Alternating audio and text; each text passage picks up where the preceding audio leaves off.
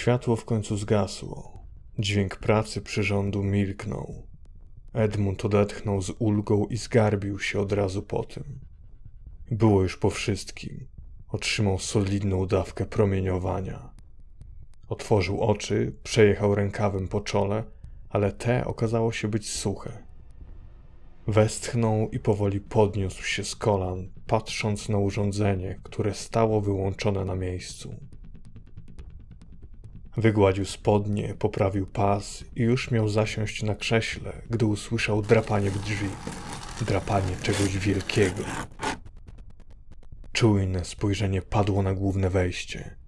Te było jednak zamknięte. Krótkie spojrzenie na okna przypomniało mu, że nie zabezpieczał ich. Wystarczyło mu, że były od wewnątrz zasłonięte kotarą.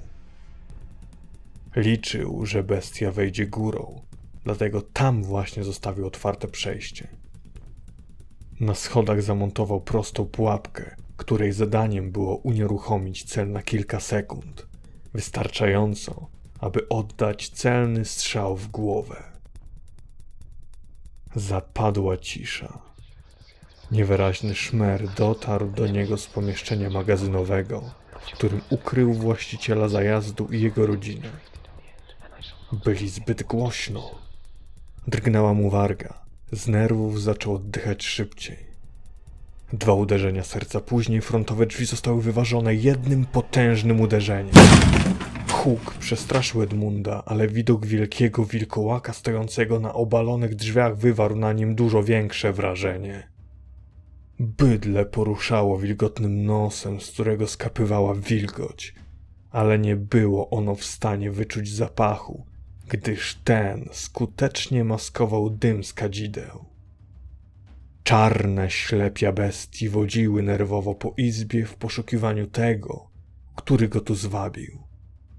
Łowca z początku się nie ruszał, ale gdy sierściuch podniósł przednią część ciała i zademonstrował swoją posturę, nie wytrzymał. Sięgnął po rewolwer i wypalił jak najszybciej, strzelając z biodra.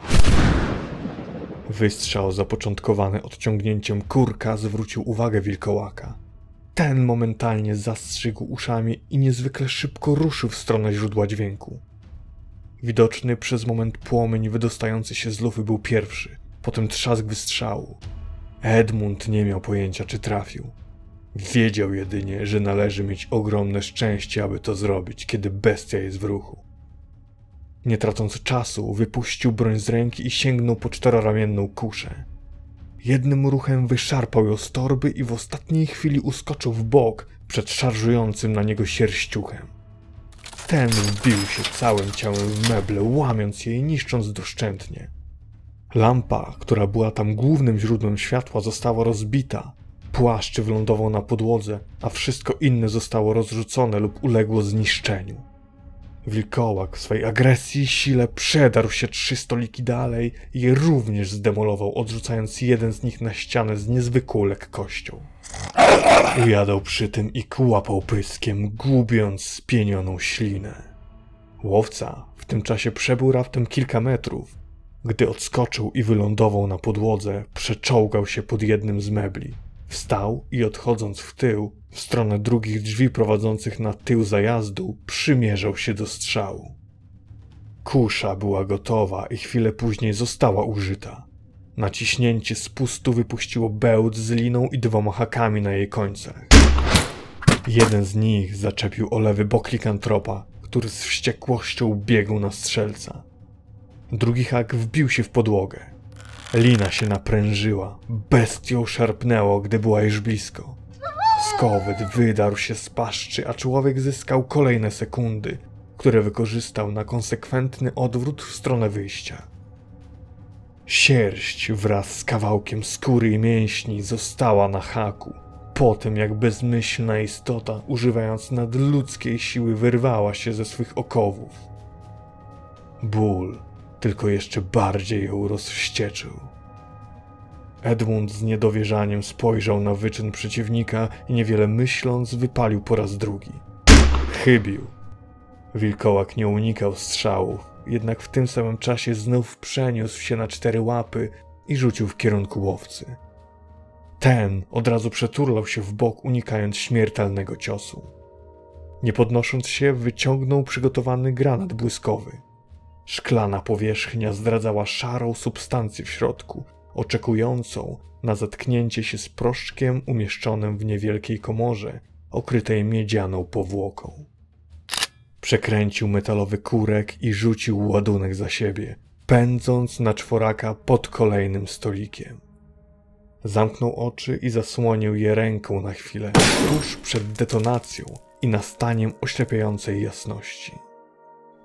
Żałosny pisk wilkołaka mówił o osiągnięciu zamierzonego efektu.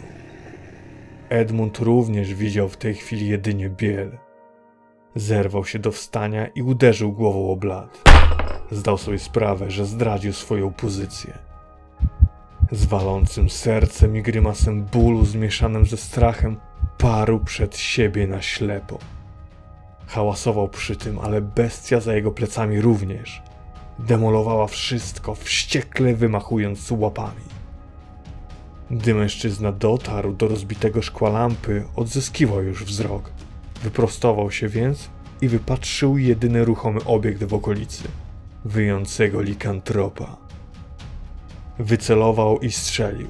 Hag wbił się w łapę i przyczepił do zastawionej naczyniami szafki przy ścianie.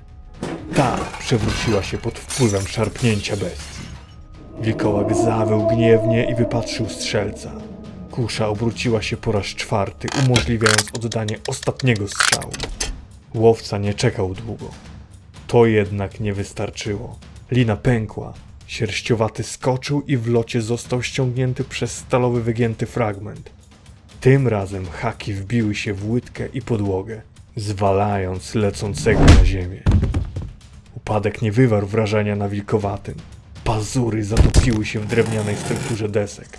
Uwiadał, patrząc na powoli zbliżającego się mężczyznę, który odstawił broń na ziemię i wyciągnął drugi rewolwer. No i mam cię, synu. Splunął, pociągnął nosem i z parszywym uśmiechem na zarośniętej twarzy zerknął na przebitą nogę leżącego. I co, pieseczku, boli, nie? Chociaż czekaj, czekaj, czekaj. Może powinienem zwracać się do ciebie po imieniu, co, Ordo? Wybacz, stary, że muszę cię zabić, no ale wiesz. Ktoś dał mi na ciebie zlecenie. Nie bierz tego do siebie. Wzruszył ramionami i wycelował między oczy już tylko warczącego likantropa. Gdy nacisnął na spust, huk wystrzału był nieco inny. Broń wybuchła w ręku łowcy, odrywając cztery palce i poważnie kalecząc resztę dłoni. Połamane i czarne od prochu kości wystawały z rozerwanej kończyny. Płaty skóry zwisały bezwładnie, utrzymując się na słowo honoru. Edmund musiał gdzieś popełnić błąd. Proch z jednego pocisku dostał się do drugiego, wywołując eksplozję w bębenku.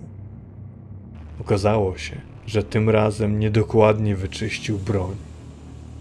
Ładunek wyleciał z lufy, ale nie trafił w głowę. Bestia dostrzegła moment i wykorzystała go z ogromnym bólem i wysiłkiem zaczęła pełznąć w stronę krzyczącego w panice człowieka. Hag, wbity w łydkę, rozrywał ją przy każdym przebytym centymetrze. Ciało wilkołaka drżało, nie chcąc się podporządkować woli. Wilczy duch był jednak tak wściekły, że ból nie mógł go powstrzymać. Krew lała się z nogi. Rana sukcesywnie powiększała się z jednej strony i regenerowała z drugiej. Gdy Edmund oponował szok, było już za późno. Zdążył jedynie sięgnąć po srebrny nóż, gdy łapa rozpruła mu brzuch.